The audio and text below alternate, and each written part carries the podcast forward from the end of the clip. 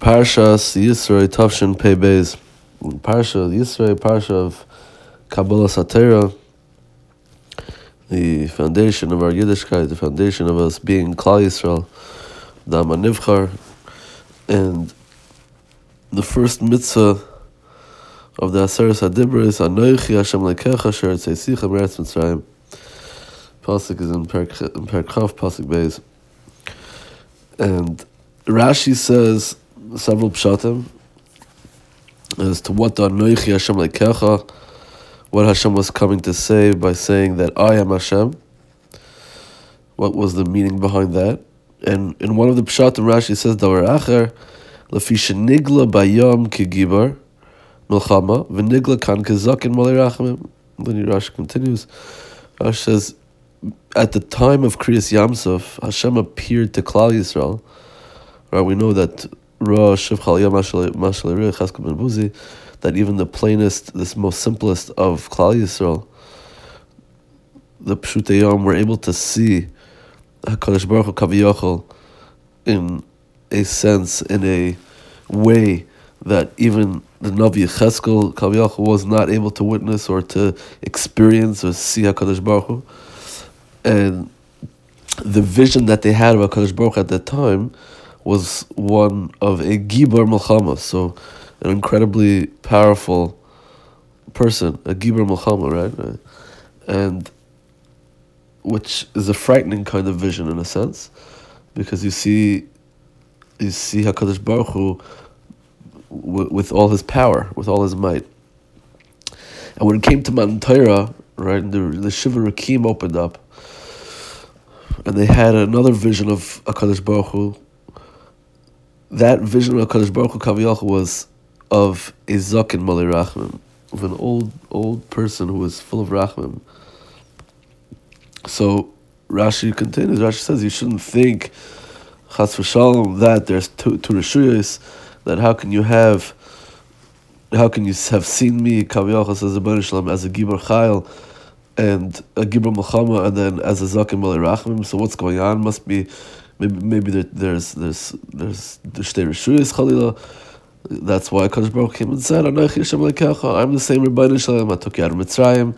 At that time, I I I, I made myself um, seem like a Gibor Gibor Muhammad, and at the time of Har Sinai, at the time of Matan Torah, the way you saw me, the way you see me is as a Zakin Mali Rachim, but it's not a steer. It's the same, one of the same.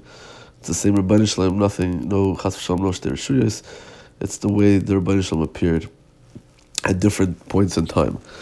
And Rabbi Yerucham says that the reason for that, why was the Zakim Ali Rachamim, is because that's a symbol of Ahava, right? Everyone knows that an older Talmud Chacham, right? So what we can picture, you know, the a saintly looking Talmud Chacham, right?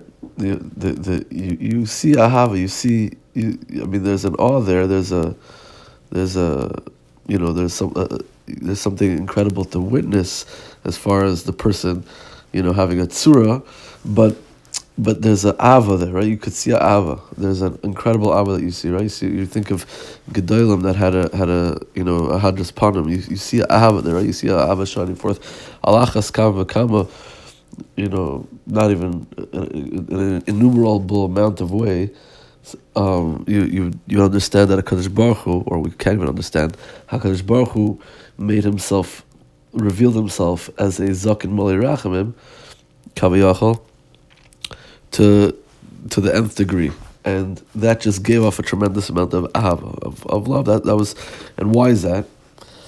Says Rabbi Yerucham because Messina Satira and Torah itself is ahava mamish. That is the spitz ahava. That is the the greatest um, uh, the greatest amount of ahava of love that exists is with Torah.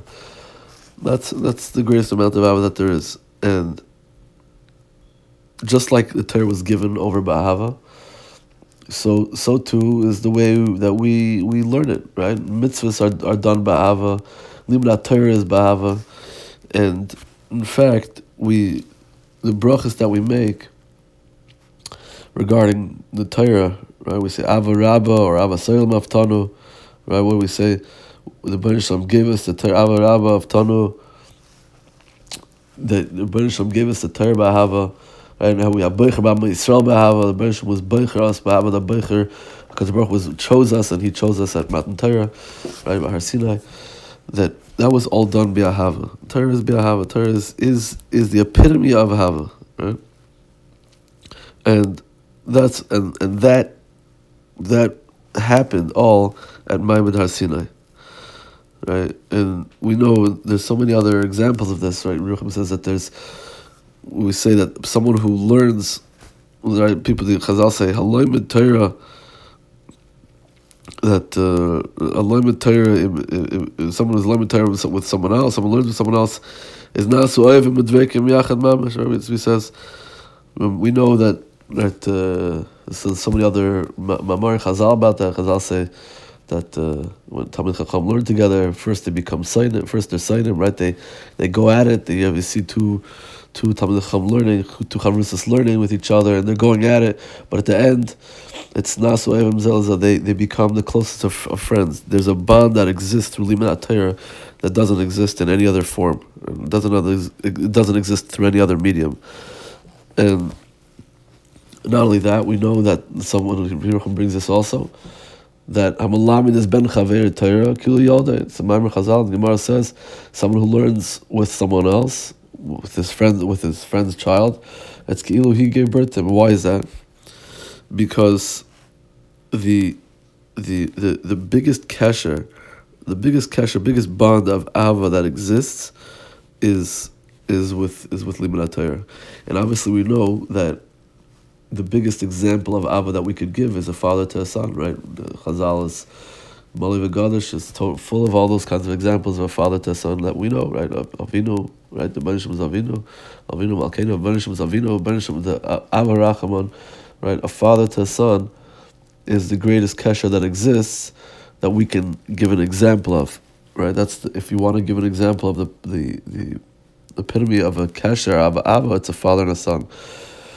But in reality, the greatest ahava that actually exists in the Bria is Limudat Torah, is the kesher of Limudat Torah. And when one teaches someone else Torah, it's Kilu Yalde because that's the greatest ahava really that really exists is a is a is a limud as a, a through limud Torah is a kesher of Torah, a, a bond that exists through through teaching one Torah one someone else Torah through learning with someone else Torah, and, and that's the greatest ava that exists. Right? We know the Gemara brings Rucham mentions this as well the mice of Rav Preida, the famous Gemara, Rav Preida, who, who, who was an Amar who taught a Talmud of his, a weak Talmud of his, and it came to a point he had to repeat something 400 times until he understood it.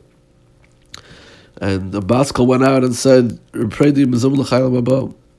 Why? Because he says that the ahava, the ahava that exists, the love that existed between Rav Preda and this Talmud was such that it was it was incomparable, and for that alone he became a Ben Olam right? I guaranteed. So he says if if if someone else can teach someone Torah and get to and, and, and get to that kind of level, then for sure Allah has come Bakama Kadosh Baruch Hu, who's the Malamed Torah Lama Yisrael, right? So for sure the level of Ava that exists is is is immeasurable. It's it's it's beyond it's beyond beyond imaginable, beyond belief.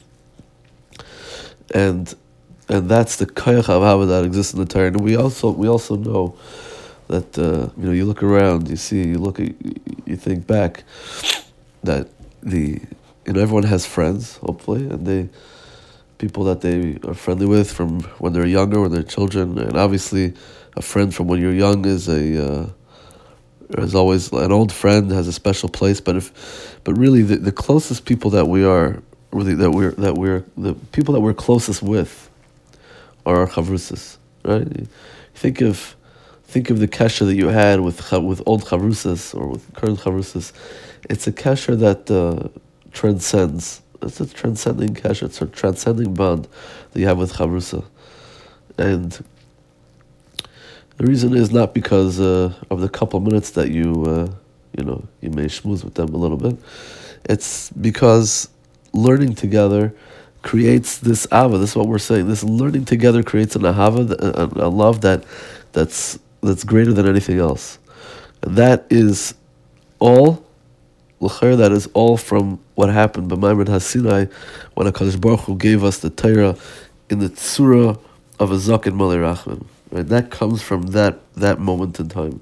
When HaKadosh Baruch Hu gave us the Torah and was Nidma and appeared to us as a Zakin Malay Rachman, he imprinted and, and implanted this in the Torah that the the ava that exists in Torah, the ava that exists through Torah, is the greatest ava that there is.